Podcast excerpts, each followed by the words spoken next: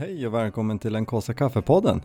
En podcast om jakt, fiske och friluftsliv där vi delar med oss av våra erfarenheter från fjäll och skog. Så packa ner kaffepannan i ryggsäcken för nu åker vi. God kväll! Hej! God kväll. Olle, är du fortfarande uppspelt eller? Det låter ju inte så. Jag är sliten. Vet du vad jag, jag stod i garaget och såg lite i kors. Jag hjälpte min granne med styckning. Och stod där och så här tittade lite i kors och kände undrar om jag är trött nu. Och sen var min nästa tanke, känn inte efter så himla mycket, det finns saker att göra. Ja, Får sova du får vara ikväll. trött sen. ja, så det, det är mitt råd till dig Olle, känn inte efter så himla mycket. Nej, jag är ledig så det, det är väl det. Det är väl därför man har blivit seg. Ledig och nyklippt ser jag. Ja, hela magen full med prinskorv och lax och revbensspjäll. Men haken och klöftdeg då? Äh, det, jag tänkte säga det gjorde jag själv men det var min sambo som gjorde det. Alltså Du det ju- började själv men hon fick göra färdigt. Ja, men det är ju det bästa att eh, ha en fru eller sambo som klipper en. Ja, Alltså jag, jag tror att jag, jag gick nog från att mamma klippte mig till att min fru klippte mig. Det är en bra transition. ja. jag tycker det funkar bra med att din fru klipper mig. Ja, tycker jag också. Det blir snyggt. Det blir smidigt. Men hon är mer taggad att klippa dig än om vad hon är att klippa mig. Jo, men resultatet blir så mycket bättre. Mm. Ja, du menar bättre grundförutsättningar. Ja, nej, jag vet inte vad jag menar men Men hörni, vi- jag tänkte vi måste hoppa rast in i det här för det har ju hänt massor. mm, alla ni som lyssnar på sätt er ner och håll i er nu. Av nu åker vi. Nu åker vi. Ja, men ska vi ta det lite kronologisk ordning eller? Ja, det kan vi väl göra. Vi, vi lär ju hoppa in på den här äh, jakten som jag var iväg på. Mm. Som vi har håsat lite och jag var orolig för att det skulle vara så sjukt mycket vilt så att man Blir så trött i ögonen. Ja, precis. och alltså kontentan med den där, så här var det. Vi vart, vi vart erbjuden att köpa en plats på den här jakten. Jag och min, min kompis Per som, som jag jobbar lite platssättning åt. Och eh, då, det, i somras, och det sa vi att okej, men det här låter ändå kul. Vi fick ett PM hur det skulle vara. Um, vi skulle bo, ja, så här, schysst boende. Det här var en viktig punkt för oss som vi diskuterade. Det skulle vara eh, middag på någon restaurang och då skulle det ingå två stycken öl eller vin till maten. That's it. Sen fick man köpa resten. Och då sa vi till varandra i somras här, vad skönt. För att det kanske gör att eh, det inte dricks så himla mycket. Den oron var ju befogad och det var inte bara två öl eller vin till maten som ingick. Så att det var en, vi kom ner dit och då var arrangören, upplevde jag var redan liksom ganska full. Mm. Ni kom ner vi. Vi kom vid tre. Mm. Så det, och det boendet var inte alls, eh, vi sov i en sovsal. Ja. Och det var, nej det var, kontentan med hela jakten var att jag längtade hem. Det var inte, alltså själva jakten i sig, jag såg inget, hade inget vilt i pass. Eh, det gör ingenting. Alltså det, jag ville åka ner för att det här skulle bli skoj liksom. Mm. Åka med min kompis Per och vi hade jättetrevligt liksom. Bil, det är ju lång bilresa ner och ja men för att göra något tillsammans, en Mm. sån här grej. Det såg jag fram emot. Och det vi hade det bra tillsammans men upplevelsen där var ju in, inte så roligt tyckte jag. Mm. Och eh, ja, men jag pratade med dig Olle och du, du sa ju samma sak som mig utan att jag hade sagt det till dig. Att vad är det för fel på karar egentligen? Mm. Och, och det var ju min känsla ganska tidigt under när vi hade samling liksom. Att det skravlas och pratas illa om kvinnor och eh, de fick också med samer och invandrare under kvällen. Ehm, Så jag tyckte inte alls att det var skoj liksom. Och det är ju inte arrangörens fel såklart. Att folk inte kan bete sig. Men jag hörde av mig till dem sen och sa det, att det här tyckte jag var inte okej. Jag sa att en gubbe lite drygt eh, tidigt och han var faktiskt tyst sen. Eh, pratade inte mer illa om kvinnor eller sin fru som Mm. det gällde. Men jag sa till arrangören att jag tycker att ni har ett ansvar att sätta liksom en, en standard på hur man får prata och bete sig.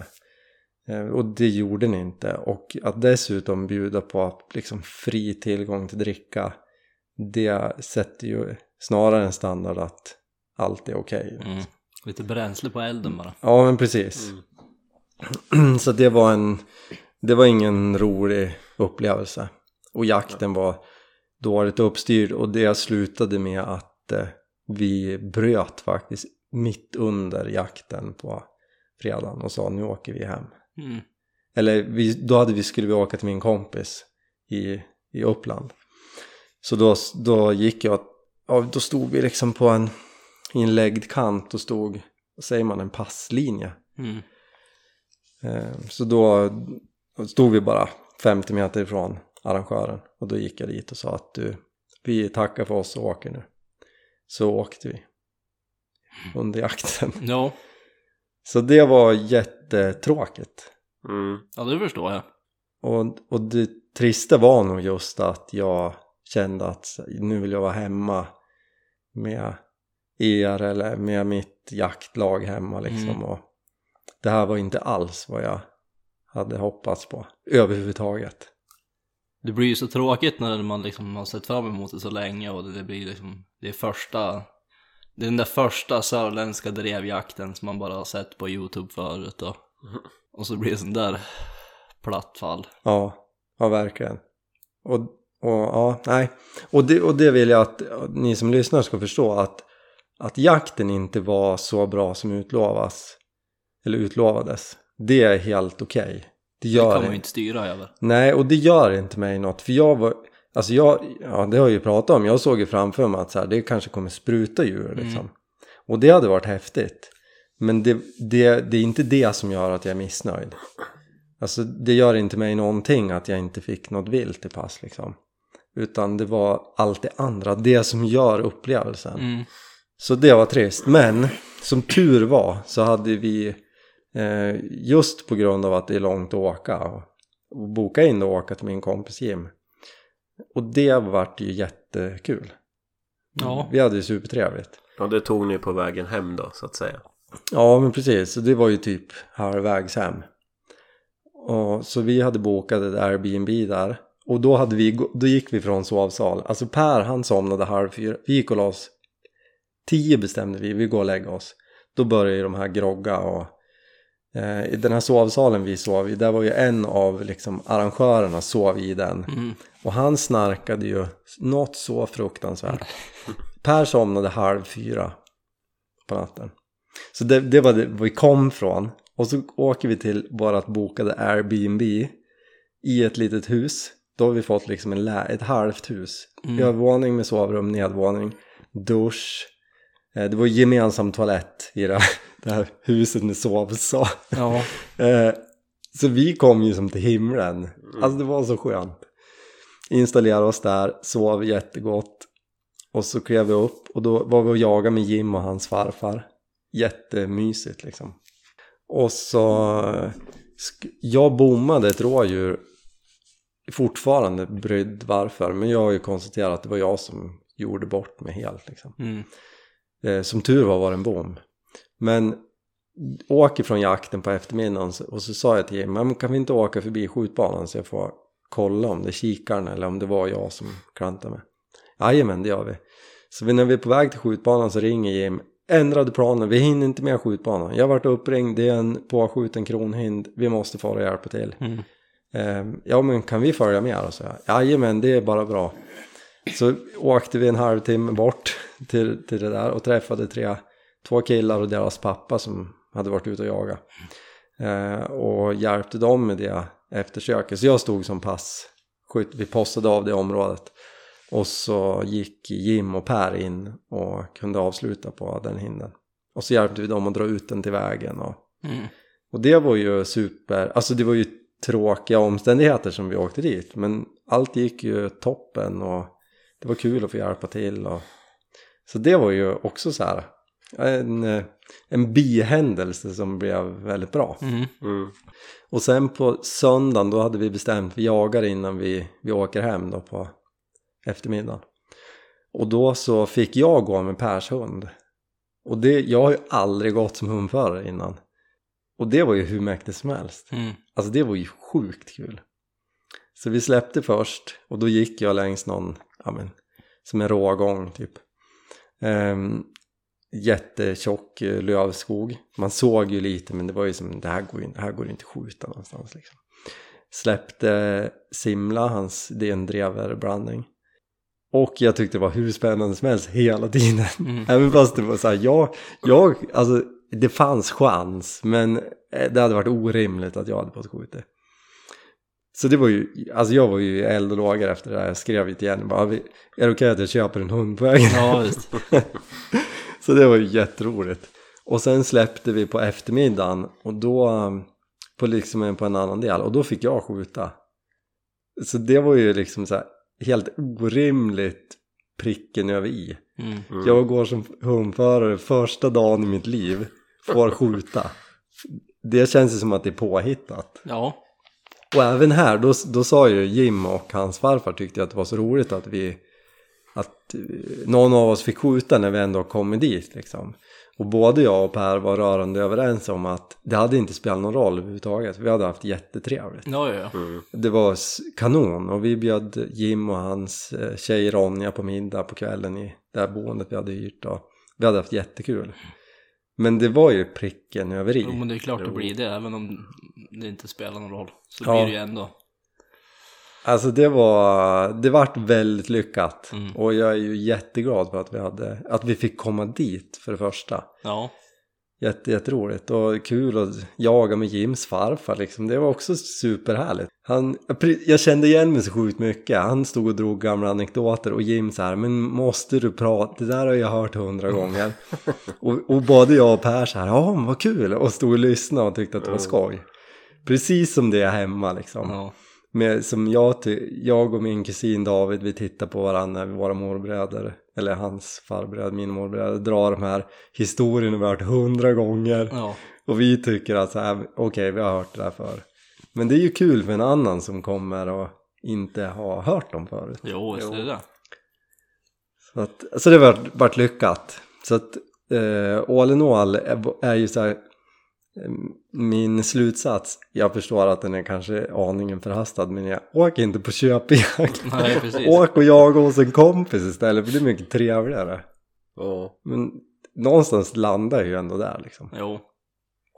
Eller det beror på vad man är ute efter. Men jag är ju ute efter att ha kul och uppleva saker och att det här med, med antal vilt inte är så himla kinkigt. Nej. Och då tycker jag åk till en kompis. Ja, men man vill ju ha det trevligt. Ja, Det är ju som det. exakt.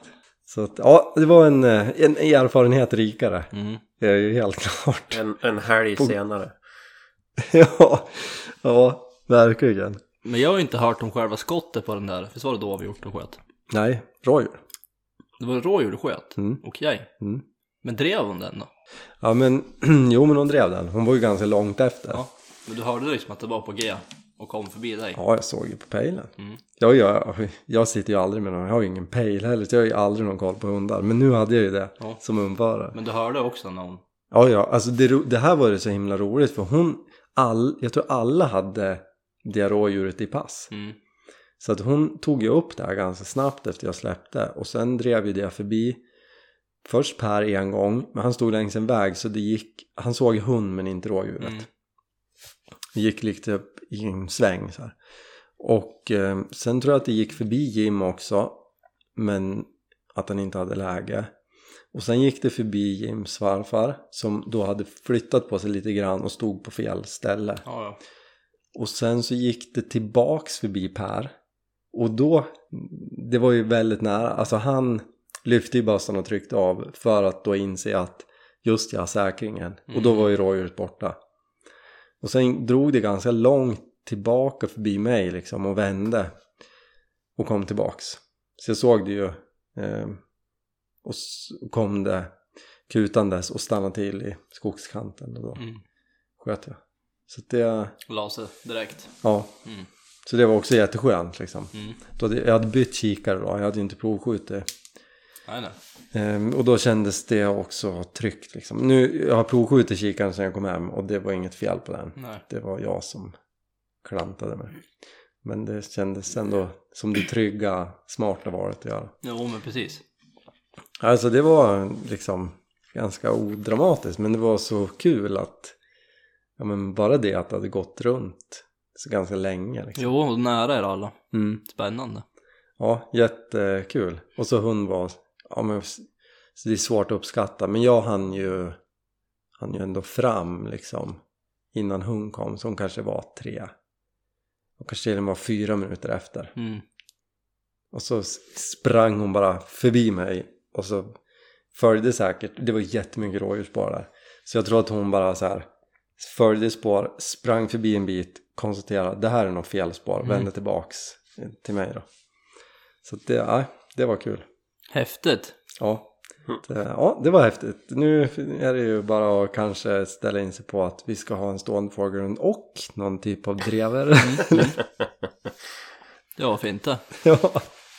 Det blir, väl- det blir väl en sån där, vad heter de? Kleine Münster, Linder, Frinder. Ja, ja, precis. Man kan ha till allt. Mm. Inte bra på något, men hyfsad på allt. Ja, Ja. Ja. Då har du ju alltid ett. ja, men precis.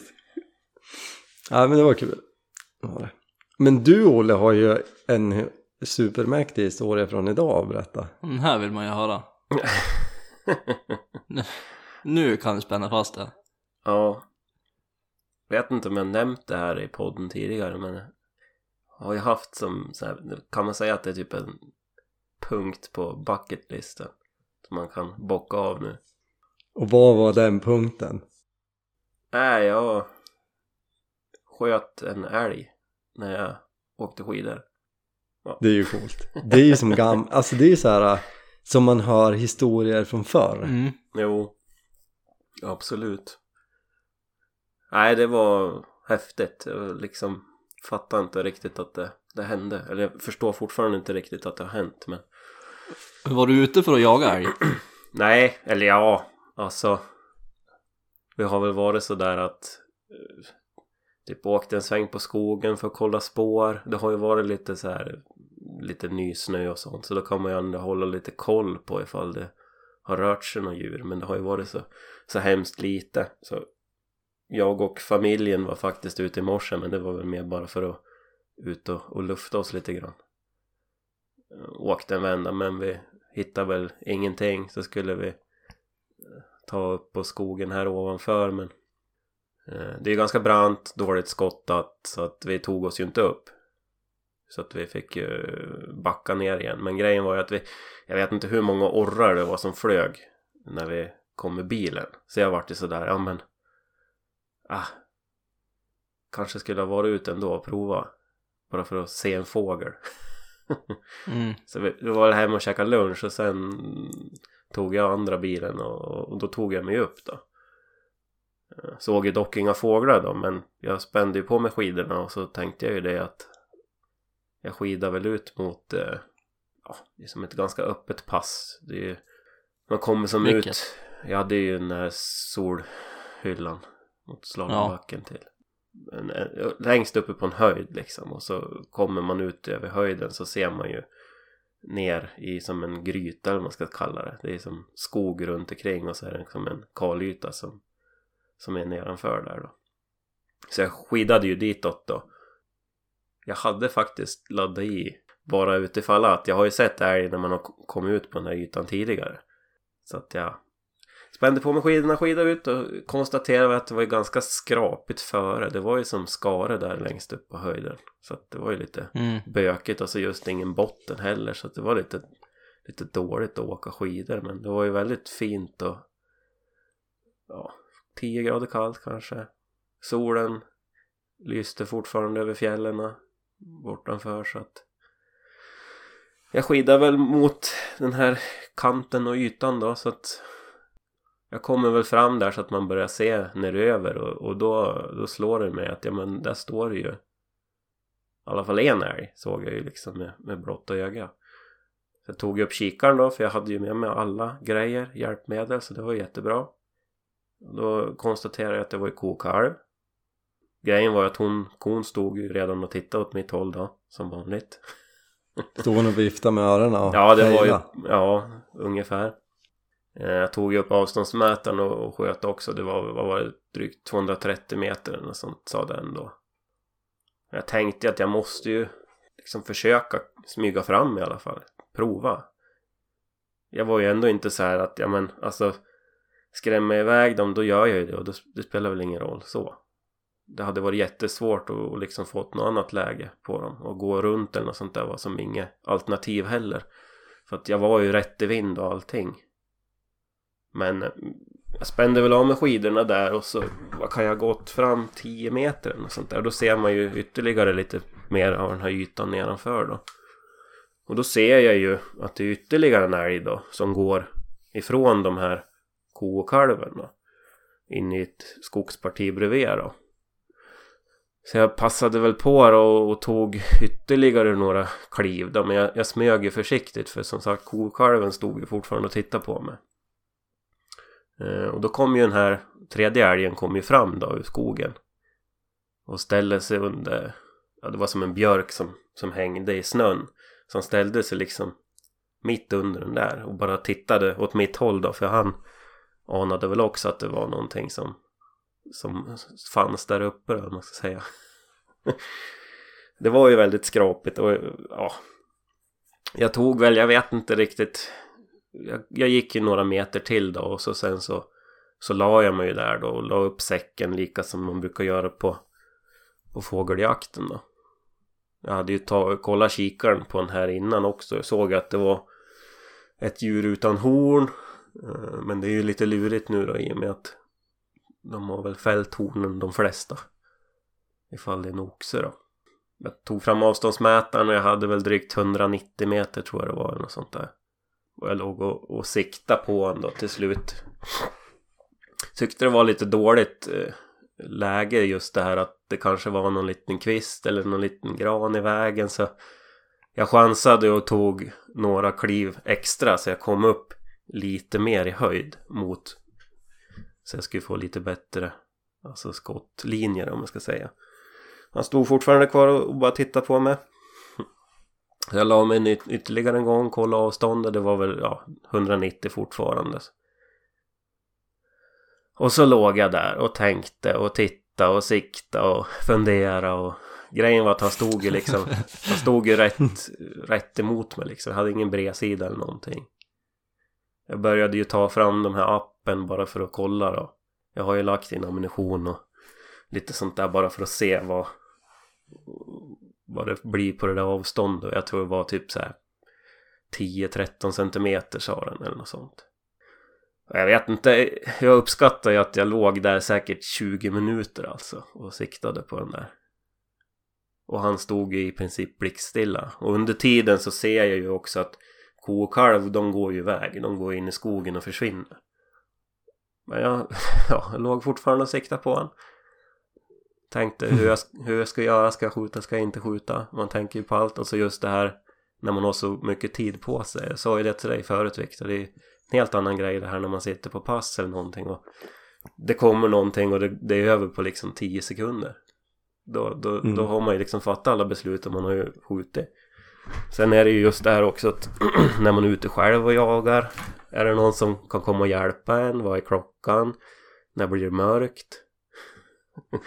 Alla de där parametrarna hann man ju liksom gå igenom själv också. Det var ju liksom snudd på att jag skulle ringa och fråga någon ifall jag skulle skjuta eller inte.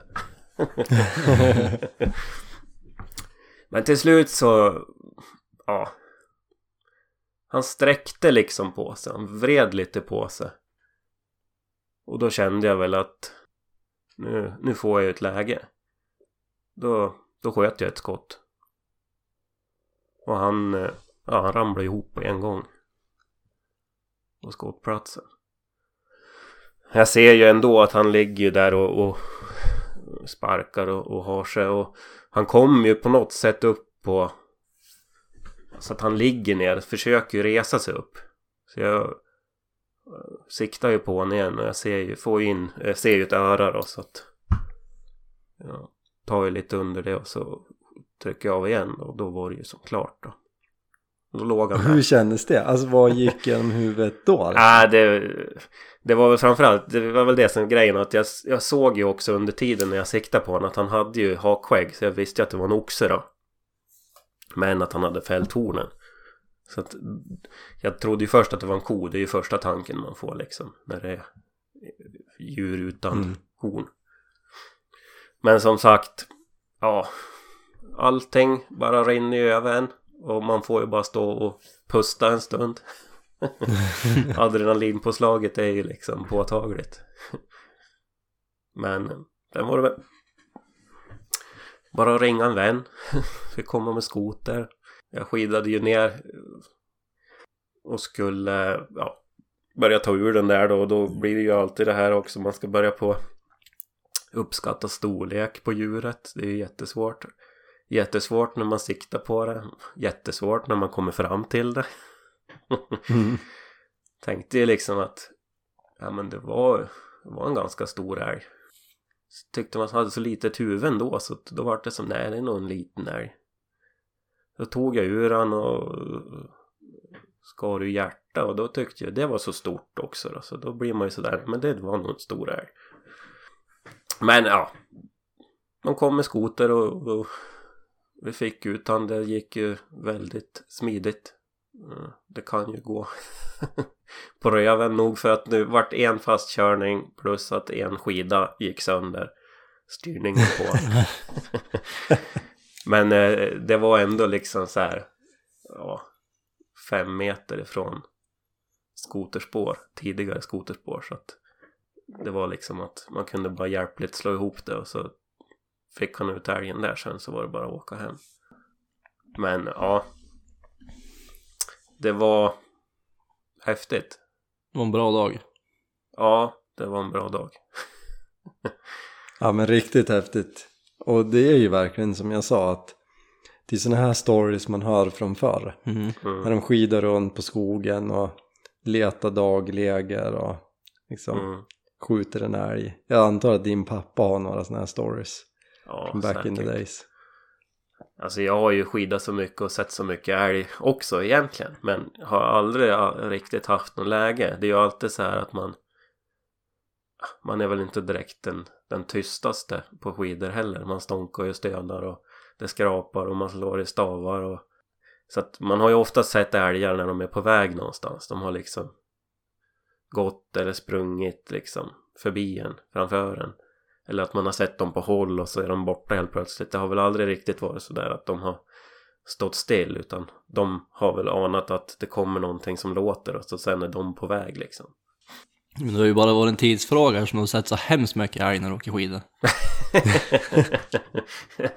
ja, men det har ju varit lite i alla fall. Sen hemskt mycket, men det är väl det som är lite roligt när man jagar här också. Att ibland kan man ju eh, om man är ute på rätt tid så kan de ju komma de här vandringsälgarna. Det var ju ni med en gång. Hur många älgar var det vi Mm. såg? Var det typ Ja fem, precis. sex, sju stycken älgar som vi såg kom och gick?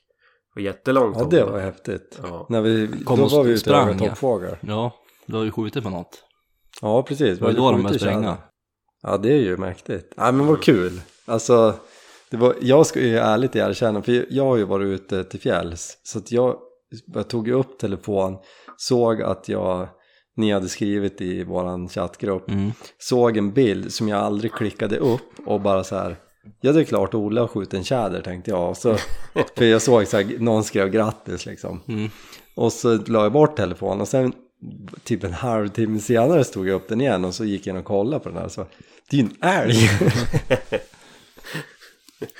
Men riktigt, riktigt häftigt. Och vi har ju, alltså när vi är ute med, med dig Olle så har det ju hänt att du, jag menar att ni har älg kvar och du har sagt så här, men ta med någon jaktammunition, alltså Mm. Mm.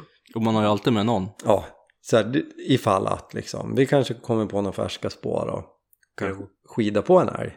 Så att det, den, den här äh, drömmen eller vad man säger finns ju även för oss Mm. liksom när vi är med.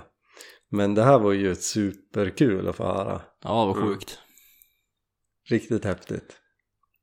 Ja. Och jag tänkte, tänkte på det där idag, alltså in, innan jag fick reda på det här.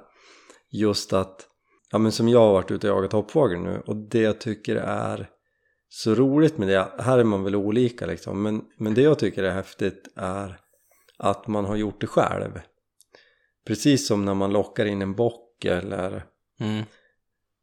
pyschar på en älg så, så är man själv liksom det kanske var det jag tyckte var skoj att gå som hundförare också att det kändes som att det var jag som, jag och hunden som Mm. det är ju en illusion för det är ju hunden som gör jobbet men, men ni fattar kanske vad jag menar att, att man själv är ansvarig för jaktlyckan Mm. på något vis Mm. Eh, mer än att man sitter på ett älgpass och hoppas att det ska komma en älg springandes liksom. Så jag kan tänka mig liksom den känslan att få skjuta en älg på det viset. När man själv har fått göra allt jobb. Mm. Det måste vara mäktigt. Ja, visst är det så. Absolut. Men det är ju, ja, man tar ett liv. Det är aldrig, Nej, aldrig absolut. roligt. Så är det Det är ju, det är ju som det är det också. Nu gick det ju Ja. väldigt bra som tur var. Jag hade ju bara alla de här scenarierna som man alltid har framför sig. Att vad händer vid skottögonblicket? Vart tar de vägen? Hur långt springer de? Hur många pannlampsbatterier måste man hämta? Och allt sånt där. Men någonstans är det väl sådär också att har man ett sånt läge där man har superbra stöd. Man vet liksom hur, hur bössan går. Jag har ju varit lite skeptisk till bössan men jag sa ju det till dig också Viktor att jag träffade ju ballongerna på 300 meter mer än då, Ja, du har ju inget problem med skyttet utan där tror jag att det är hjärnspöken från när du Ja. hade kikarfästet var fel. ja.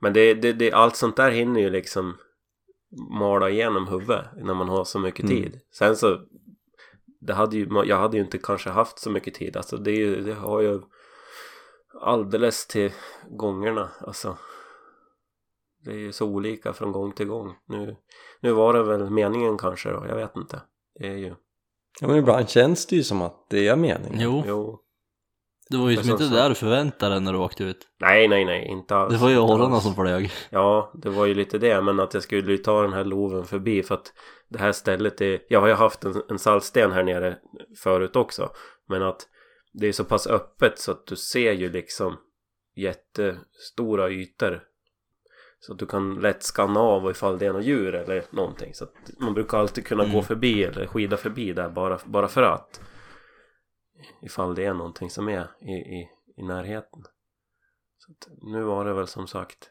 tur att de var där nere Ja, det är de här planeterna som står i linje. Ja. Det är ju det han ska ju vara på rätt plats vid rätt tidpunkt ju. Ja, riktigt häftigt. mm. Jätteroligt. Grattis Ja, det var igen. häftigt. ja tack Bra jobbat. så nu finns det mer Nu- kött Nu är Carro nöjd när du är klar med det där. ja precis det var det som var pricken i viet Ja. Knyta ihop älgjaktsäsongen. mm. Och vilket sätt att göra det på. alltså. Ja, visst. Ja. Nej, det är Ja, ett minne kul. som kommer finnas med för alltid tror jag. Ja, det förstår jag. Helt plötsligt har han glömt bort bakpremiären. Ja. det är det där som kommer, om, om vi någon gång får för oss att retas med det här med, med bockjakten i Mm. år så kommer ju det här komma tillbaks. Ja, så är det. Har ni pyschat någon älg då? Fast jag har ju det. Inte med skidor. Nej, precis. Nej, inte med skidor. Den första. Den där som du sitter och tittar på. Ja, precis. Var det, var det? Sm- Smög in på den? Ja. Det var ju den jag smög upp över. När farsan redan var uppe. Ja, ja. Mm. Just det.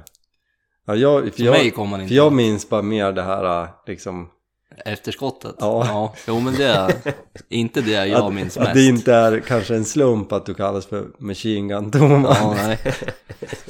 Jag tänkte säga efterskottet, det är inte mitt eh, stora minne av det. Det är ju innan.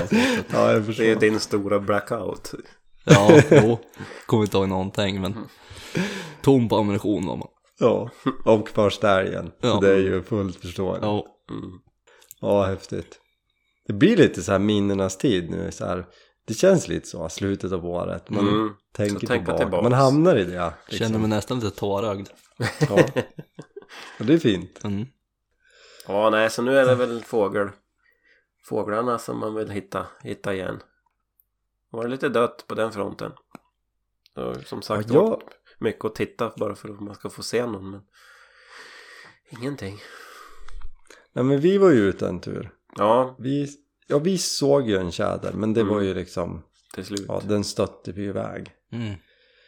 Och det var allt. Alltså jag var ju faktiskt rent förvånad att vi inte ens såg någon orre. Mm. Så det, jag vet inte, jag, jag hade förväntat mig nästan att det skulle vara hyggligt med fågel i år. Men upplever ju att speciellt i de här markerna mot fjällen att det kanske är lite halvklent med fågel. Alltså jag har ju hört bättre rapporter ja men så här kring Östersund på kortmarker. Mm. Liksom ganska långt från fjällen att det är hyggligt med fågel. Men ja, det kan ju Men vara tillfälligheter Jag också. tänkte säga, kan det inte vara det då att det är ja men som Olles eh, marker som vi alltid har varit på när vi jagar fågel och inte har sett något än i år. Att det är som ändå, det är ju inte den riktiga vintern än, det är ju inte botten. De Nej. kommer ju åt maten fortfarande på Ja, så där är de var. De kanske inte har kommit dit än, riktigt än. Ja, kanske. Men jag tycker, som, vi har ju ett ställe där som där är det alltid orre liksom. Jo, Ja, det är ju grannmarken, men då, jag ringde och pratade med han som har den och frågade om vi fick skida in och kolla. mm. Alltså där, det är ju nästan ofjällbart att man, där ser man orre. Mm. Ja, det var ju inte ens, det var, jag hittade ingenting där de brukar sitta på backen och det var helt dött liksom. Men för jag tänker på senare vinter så brukar vi ju inte se på ert norra. Nu har vi inte varit där så mycket. Nej, nej. Ja, Men det finns är ju ändå där du, du har sett dem hittills, som kanske Ja, inte har jo. flyttat sen. Ja, så kan det vara. Nej, det är som du säger, det är ju bara i, i början på säsongen egentligen. Mm. Ja men så är det ju. Och sen tycker jag också att ibland när man skidar ut så kan man hitta jättemycket betat från igår Mm. och bajs och men idag ser man ingenting. Nej. Och nästa gång så ser man fågel. Så det är väl tillfälligt. Flytta väl runt lite grann, det är väl det. Man Ja, ska ju lika där, man ska ju vara på rätt plats vid rätt tidpunkt när de är i farten. Eller i Mm. området. ja men verkligen. Och det är väl det är väl som alltid att ju mer man är ute desto mer tur har man. Så är det ju. Mm. Ja, Och jag har ju faktiskt bara en vecka kvar nu, sen är jag redo. ja det är bra. Till allas förfogande. Ja, härligt. Det ser vi fram emot. Ja, Ja, jag med. alla ska börja jobba igen. Slu, slut på mörkret. Ja, ja. Jag, jag hoppas ju fortfarande att du pack, packar grejer så att det är enkelt att genomföra den här flytten. Mm. Jag ja. ser ju framför mig den här, jag tror att det var en McDonalds-reklam. När det, det ramlar in ett, de här kompisarna som ska komma och hjälpa till att flytta och då tror att de bara ska lyfta upp lådor och bära ut en släpvagn. Mm, de ska packa också. Och så är inte en pinal packad. Nej. Mm. Jag ser lite det scenariot framför mig. Ja, du gör det? Ja. Ja. Jag tror att jag är upptagen då på måndag. Det är för sent. Du har redan tackat ja. Nej, men det ska bli kul. Ja, det blir nog bra. Jag tror det blir skitbra. Garanterat. Mm.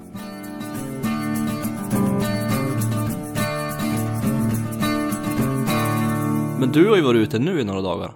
Ja, men precis. Från igår. Mm. Ja, det var härligt. Det var, Var, det det då? Jo, men det var det. Alltså, Olle vill ju höra sanningen nu. jo, och Eftersom han har sanningen lovat är, att följa med och tälta i vår. Ja, men alltså sanningen är att det var så sjukt bra.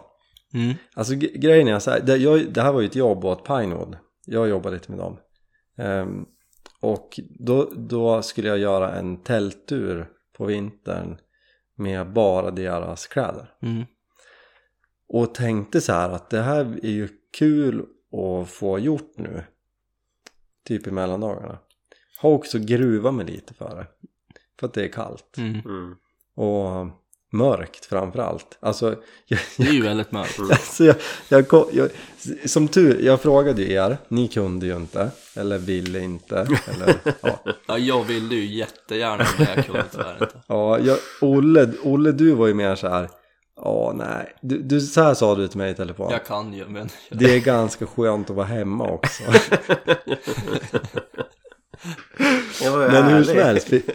Ja, det var bra.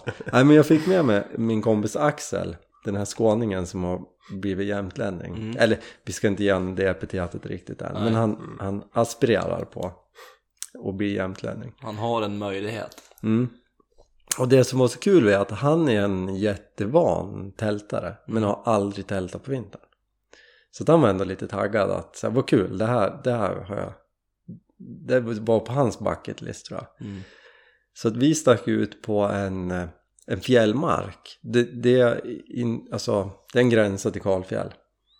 Och jag ville åka dit bara för att om jag ska tälta vill jag tälta på något fint ställe. Inte på ett hygge vid en tallplantering. Där man kanske tänker att stor chans på toppfågel. Men då väljer jag hellre ett, liksom ett fint. Och hade inga förväntningar, visste inte hur marken såg ut mer än att det var mycket myrmark. Eh, drog dit, där, jag har inte varit där förut då. Och så skidade vi iväg, konstaterar att eh, här var det mycket gran Mm. och typ ingen tall överhuvudtaget. Nej. Alltså inte på myran ens. Och så, så här, men där, det där ser ut som en tall. Nej, då är det en jättekonstig gran som typ inte har några kvistar och sen en krona så det ser ut som en tall. Liksom. Mm. Och då kände jag så här, oj det här kanske blir krångligt att hitta någon fågel här. Och så skidade vi på, vi skulle till en kärn som heter Bergkärn. Vi utgick från en, en liten by som heter Jänsmäsholmen. Och skidade mot den stöter vi upp en tjädertupp. Jag såg den inte för jag höll på att spana på, kolla på kartan och så här, vart ska vi skida? Men Axel såg den och eh, då flög den liksom åt rätt håll för oss på den vägen vi skulle mot liksom. Så vi skidar vidare och helt plötsligt så ropar Axel till bakom mig Jag ser den!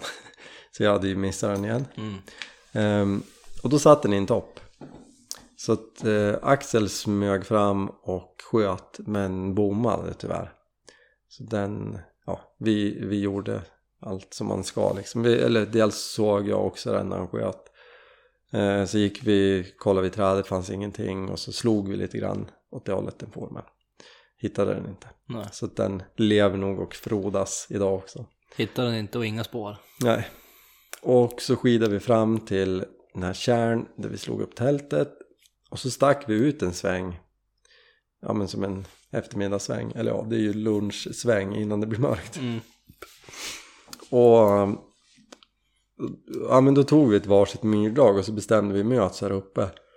Och då när jag kom dit upp och så rundade jag bara till, till hans myrdrag då. Då satt ju tre tjädertuppar där. På backen. Eller en satt i typ en och en halv meters gran. Mm. Två stycken satt i enris. Och en från enriset lättade ju direkt. Då såg inte jag den andra enriset. Jag såg bara den här i granen och tänkte att den hade ju stenkollat att jag var där. Men jag stod bakom en gran liksom. Ehm, så jag ringer Axel och tänker så här, vart är du? Kan jag skjuta på den här? Jag visste ju inte vart Axel var. Men jag hade ju kulfång bakom, det är ju inte ofta man har på de fågeljakten. Och i och med att jag pratade med Axel då lättade ju den här. Ja, ja. Det var ju inte så konstigt men alternativet hade ju varit att inte skjuta, alltså inte chansa på att eh, det kan ju bli farligt liksom. Mm. Och så pratade jag med Axel och sa nu kommer en till. Och i och med det, då lättade ju en tredje då från enriset, som, den jag inte hade sett. Och då flög de här åt lite olika håll så vi gav oss ut och försökte hitta dem efter de hade trä. Så vi stack åt varsitt håll, skidade på, det började skymma. Eh, Axel smsade bara så jag är på väg tillbaka till tältet nu. Ja men toppen skrev jag, jag kommer snart. Och då hade jag gjort en stor lov ovanför det här där jag hade sett dem. Mm. Och så tänkte jag att jag, äh, jag skidar ner dit jag såg dem, man vet ju aldrig. Och så följer jag det myrdraget, det ledde jag hela vägen ner till tältet. Och skidar ut där på den där myren, håller på att kolla lite grann och så helt plötsligt bara, men där, där sitter ju en tjäder. Så jag tog upp kikaren och eh, kollade men jag hade ju redan sett att det var en fågel. Eh, och det häftiga var, som jag tycker sällan händer, var att den verkade inte ana att jag var där. Mm. Så jag skidar tillbaks in i skogen och tänker att nu ska jag göra allt rätt. Om, om jag tappar den här ur synhåll nu och den försvinner, ja det må ju vara hänt. Men annars så, jag brukar vara lite så här kanske lite stressad att jag vill ha koll på den hela tiden Mm. och då smyger man lite för nära. Så nu rundade jag verkligen. Och för att få en skottvinkel som var långt ifrån tältplatsen. Mm. Så jag skidar runt, kommer ut på en liten öppning i skogen och så är det några björkar och så ser jag där sitter den. Tog upp avståndsmätaren och tänkte hoppas, för jag hade liksom en liten fyrkant i den här björken där det var fritt. hoppas att jag kan få in avståndet. Eh, och det fick jag. Mm. Så 143 meter. eller så. La mig ner, hade liksom bra i luckan i den här björken. Eh, och då gjorde jag en grej som jag har fått tips om som jag aldrig har gjort förut. Att jag också, för jag tänkte så här, jag, nu ska jag göra allt rätt. Det ska också sägas att förra säsongen, jag hade aldrig ett läge på en tjäder. Gjorde, fick aldrig göra någon ansmygning eller och ja, gå, gå till ungen. Nej men tänker så här. Nu ska jag göra allt rätt. Så jag lägger mig till rätta, siktar på tjädern och torrklickar en gång. Mhm. Där har jag fått tips av Träffa en gubbe på långhållsbanan som jag Han tävlar lite i långhållsskytte Mm. han, han verkar vara en kompetent skytt Och då pratade vi lite om toppjakt och han sa att det där är ett väldigt bra knep För att veta att man ligger rätt liksom och Mm. Inte dra bössan när man trycker av och så. Så att jag torrklickade, det låg helt fast på tjädern. Så jag matade in en patron och så sköt jag. Och den dråsade ju rätt ner i backen. Och så fick jag direkt sms från Axel. Jag hoppas att det där var du som sköt. Så jag svarade bara jajamän. Mm. och eh, nu ska jag bara hitta igen den här Mm. för den var ju som lite in i, den satt inte helt i kanten på myren utan den var som uppe på en höjd i, ja, i skogen liksom i trädet det är alltid svårt det där. Försöka Ja. ta ut riktmärke och, och så just det där som du säger om det är träd bakom träd så att säga. Exakt. Det är ju enklare ifall det är just de längst fram eller längst bak eller vad man ska säga. Men just där är mitt i då är det ju skitsvårt många gånger. Ja det är ju tjorvigt. Och det var verkligen också så här grevens tid ljusmässigt för att ja, men jag, jag har ju under, under min tid som hundförare så då tappade jag bort det bakre locket på kikarsiktet. Mhm. Eh, Det ligger någonstans i skogen i Uppland. Mm. Eh, Så, men tips till alla jägare, hundbajspåsar funkar också suveränt. Mm. Så, så jag, jag hade ju knutit, så jag, ja, men jag skulle knyta på den och tejpa igen mynningen på pipan igen och, och i och med att jag gjorde det då var det ju ganska skumt. Mm. Packa in mm, bössan i säcken och, så jag skidade över där, eh, drog på mig pannlampan och eh, där låg tjädern under, under granen. Så det var en väldigt härlig känsla. Mm. Det var nog en, ett av de finare liksom jaktminnena på tjäder tror jag. Mm. Och så i den settingen att vi ligger ute i tält och det var väl pricken över iet. ja men det var häftigt. Och just det att vi, ingen av oss hade några större förväntningar på att det här kommer vara världens bästa toppjakt. Utan det Nej. var mer, vi ska göra en tälttur och sen så vore det kul om vi får se någon fågel.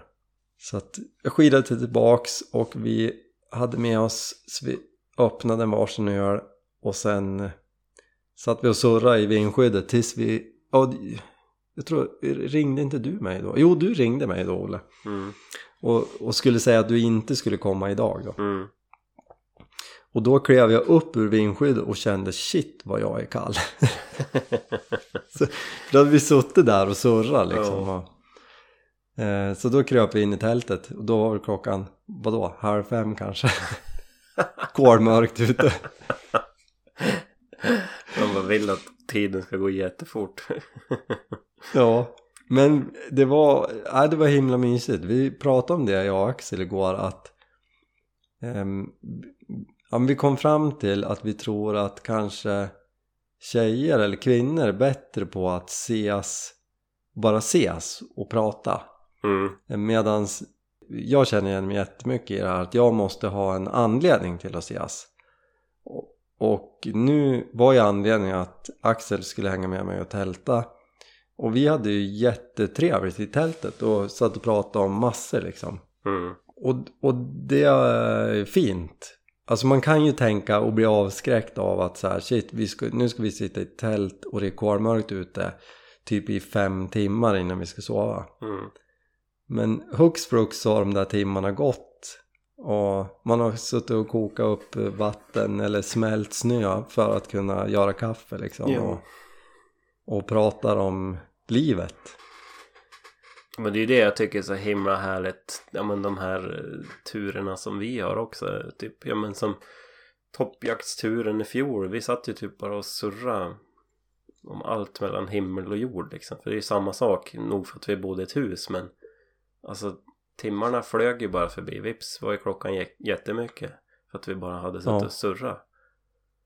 Det är ju, ja. Det är ju, Ja men det är ju väldigt härligt. ja. och fint på något vis. För Jo. att det... Ja men jag är jättedålig och det, vi skojade om det när vi satt och pratade om det här igår att Alltså jag tror att om jag skulle ringa Ja nu, då var det ju Axel i det här fallet då Eller om jag skulle ringa till dig Olle och bara så här Kom över och drick kaffe så sitter vi här och pratar i tre timmar det, det skulle kännas lite knepigt liksom Jo. Eller kanske till och med bli lite stelt Man sitter där vid köksbordet, ja hopp vad, Jo. vad ska vi prata om? Även fast man kanske har mycket att prata om men, Jo, visst. men när man hamnar i det här läget att man är ute och upplever det här tillsammans Mm. och sen så har man bara varandra i det där tältet och då helt plötsligt så lossnar det. Är kanske lite förlösande på något vis. Mm. Nej, det är härligt när det blir så. Som sagt, det är ju Mm. skönt att umgås, skönt att prata. Ja men det är ju det. Och fint. Jo, Man kommer ju varandra närmre. jo men visst är det så. Det var, det var nog det, liksom det roligaste med den här turen. Mm. Och sen, vi, det skulle ju vara jättedåligt väder, det var ju vädervarning liksom. Ja, precis. Och då var det så klurigt väder för att det skulle vara typ vindstilla igår på dagen, det var det. Och sen skulle det vara storm på natten, eh, det var det också. Och sen skulle det bli jättefint idag igen, och så var det också. Mm. Så vi boade ju in oss i tältet, vi, vi slog upp tältet på en, det var en, en eh, ganska vindskyddad plats. Var inte speciellt orolig. Men det tog ju i ganska rejält, vi släckte väl vid, kan nog ha varit halv elva typ. Och sa godnatt, kröp ner i sovsäckarna. Och ja men jag vaknade till någon gång efter elva och att det så här, nu friskar i. Och sen sov vi, eh, vaknade till någon gång mellan sex och sju, det hade Axel också gjort, att det kändes som att det var lite kallt. Mm. Men jag, jag bara liksom så här gosade till min sovsäcken, somnade om, vaknade klockan halv nio. Jag vet inte när jag sov så länge senast. Nej. Och då, då var det rejält kallt. Eh, Jag höll på att säga först att det är nog kanske 10 grader, men jag tror att det var 15 grader mest hela dagen. Mhm. Mm. Det var det när vi kom till bilen. Och ändå så här, vi hade ingen av oss frös i tältet. Det var liksom lugnt och fint och ja, men, packade ihop tältet och skida hemåt liksom. Mm. Jagade oss hemåt. Det var tunggott, det var tunggott igår och det var inte bättre idag av att det hade drivit och Nej, just det. eh, kommer mer snö gjorde också igår kväll. Så att vi, vi jagade oss hemåt men det var, det var dimma mitt på dagen och vi såg ingen fågel överhuvudtaget. Nej. Men det var en riktigt härlig tur. Alltså kanon, kanonkul. Och. Axel var nöjd med sin första vintertältning och det var väl kanske huvudsaken den här Jo. gången. Att, Sa ju det till Carro, det var ju typ när jag hörde att, att du skulle ha med dig Axel, då var det sådär, ja men vad bra, då, då, då behöver man inte följa med bara för att han ska ha sällskap. ja men så ska du inte, alltså det är ju det är fint att du vill följa med som sällskap men ni ska ju aldrig känna någon press att ni måste hänga med. Liksom. Alltså gre grejen är ju att jag, eh, jag sa det till Jenny också innan att jag egentligen ska ju bara säga så här, jag kommer att göra det här och det här, häng gärna med. Mm. Men ni ska ju inte känna att ni måste, alltså jag fattar ju att man inte bara kan så här släppa allt och ja men ja, klart jag hänger med och tältar. Det går ju inte alltid att göra så. Men det är ju skönt att ha sällskap. Ja, visst är det så. Det, och Jenny tyckte också det var skönt. Hon, hon sa till igår att du måste hälsa Axel och tacka för att han hängde med. Hon Mm. tycker det känns tryggare att jag har någon med mig. Jo, men visst är det så. Det är väl alltid så. Det var ju som en annan var ju orolig också i morse när du inte svarade. När Thomas skrev till dig, du hade ju inte lagt ut någon ny story heller. Så man var ju sådär, Nej, ska man börja på ringa snart och höra om du lever? Ja men det var ju roligt för Örnekrans skrev ju igår kväll, han tyckte vi skulle ha lånat med oss kamin till Mhm. tältet. Mm. Och sen så skrev han i morse, lever ni? Här blåste det satan i natt. ja. men det gick, eh, det gick fin fint. ja. Nej men så det var en härlig tur. Höll kläderna? Kläderna höll, jag, alltså, de, jag är jättenöjd. Ja. Funkar kanonbra. Det, jag hade ju inget snökammo då, utan jag hade ju eh, skogskammo. Det funkar också bra. Jag fick någon fråga på livesändningen just om snökam och, och hur viktigt det är och jag tror inte att det är superviktigt. Men man känner, det känns ju bra när man har snökam och, jo. och det tror jag är viktigt. Jag tror att det var viktigt att jag hade snökammo idag. Ja det kan det absolut ha varit. När jag Det tror jag. kröp i snön mot älgarna. Det, ja men det, det tvivlar jag inte på. Men just med fåglarna så tycker jag att så här, nio gånger av tio då är de, de har ju koll på en. Jo, visst är det så. Visst. Sen är det ju så. Det känns ju bättre på något sätt. Bara för att man... Ja, jag vet inte. Man kanske, man kanske blir lugnare själv för att man har snökammo. Ja så tror jag, och det ska man inte förakta. Nej. Alltså på så vis så tror jag att det kan vara viktigt liksom. Mm. Ja, men så att jag är nöjd med kläderna. Det roliga är att jag verkligen gick all in på det. Att underställ, eh, tröja, byxor, jacka Mm. och sen en förstärkningsjacka också. Den sov jag faktiskt i för jag har ingen vintersovsäck. Mm. Ehm, så att jag sov med den på. Det var superskönt. Mm. Annars tror jag inte jag hade sovit så gott i natt. Nej, precis. Nej, så det var lyckat. Sen pricken över i, det måste jag nästan ta upp i podden. Det var så himla kul för att i våras så konstaterade jag, för jag la upp en bild och frågade om folk visste vilket fjäll det var. Det är ett av mina favoritfjäll, eh, Himmelsraften. Och så skrev jag någonting om det, liksom att här uppe dog min gammelfarfar. Mm. Och då var det en som kommenterade att eh, men vet du, jag har också en släkting som dog där uppe. Och då såg jag hans efternamn och så skrev jag att ja men du, då, då är vi nog släkt. Mm. och det här är nog om jag har räknat rätt en kusin till min pappa. Mhm. Som bor i Jänsmäsholmen. Och då, ja men skrev jag till honom, det vore kul att ses någon gång liksom. Men det, man har liksom inte vägarna förbi Jänsmäsholmen. även om det ligger ganska nära Orda, liksom mina hem, hemtrakter. Så är det vägs, man tar en annan väg och, och kommer till Jänsmäsholmen, sen tar vägen slut där. Mm. Men nu skulle vi dit, så jag hörde av mig till honom igår och skrev att eh, eh, bjud, bjuder på kaffe imorgon vid tresnåret när vi kommer tillbaks. Jajamän, skrev han. Så då så kom han på skotern precis när vi kom tillbaks. Han, han har ingen väg fram till sitt hus utan han kör skoter på vintern. Mhm. Bor typ 500 meter från vägen. Mhm. Så jag skidade dit. Axel for vidare hemåt och jag skidade upp till min släkting och drack kaffe med han och satt och surrade typ en timme. Till- Tills jag kände så här, men alltså nu, ja, vi måste tyvärr åka till stan. Men det var supertrevligt. Mm. Jätte, jättekul. Det var som att hitta liksom, jag har aldrig träffat han. Nej. Även fast han bor nära och jag som inte haft koll på han. Liksom. Nej. Så det var som att hitta en ny släkting. Ja. Det var jätte, jätteroligt. Och vi satt och pratade om fjällen och liksom det kändes lite som, och han skrev det sen, för jag, jag skrev att tacka för kaffet och det var så roligt att ses. skrev han det att det känns som att vi har känt varandra. Ja. Och, och jag förstår precis vad han menar för det var så naturligt att vi satt där och pratade liksom. Samma skrot och korn. Ja men jag tror det.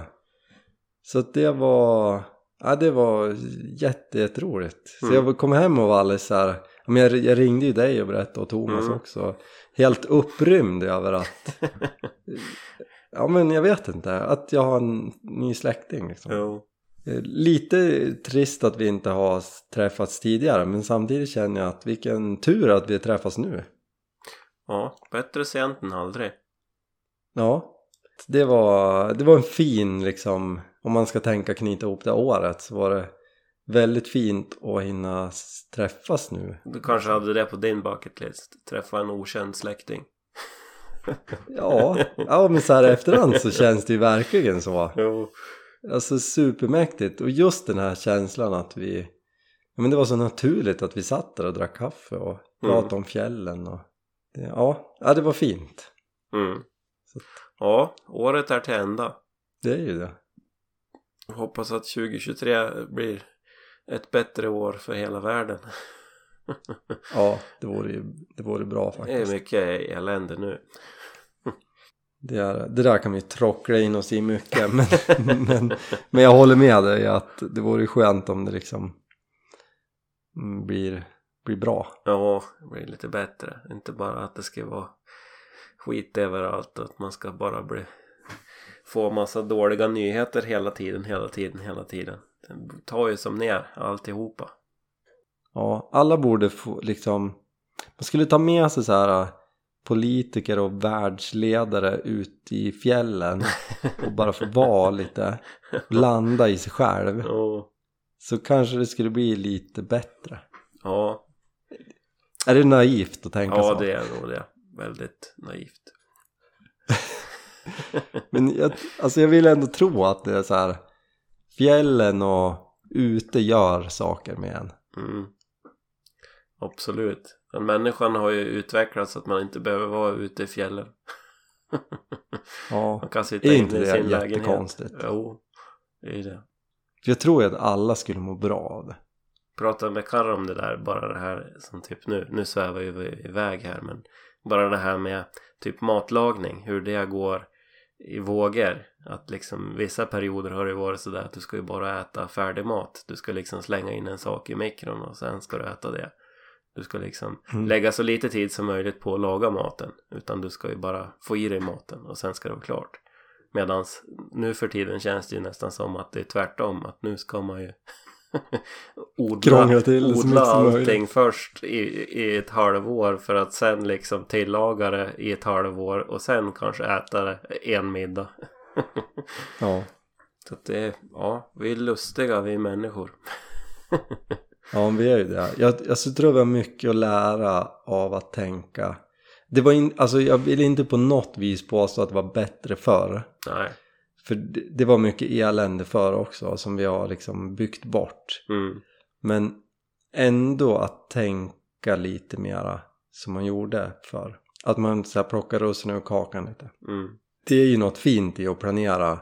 Ja men det pratade jag med min släkting om. För de, de har ju så här husbehovsvatten och fiskar liksom för, för mat. Mm.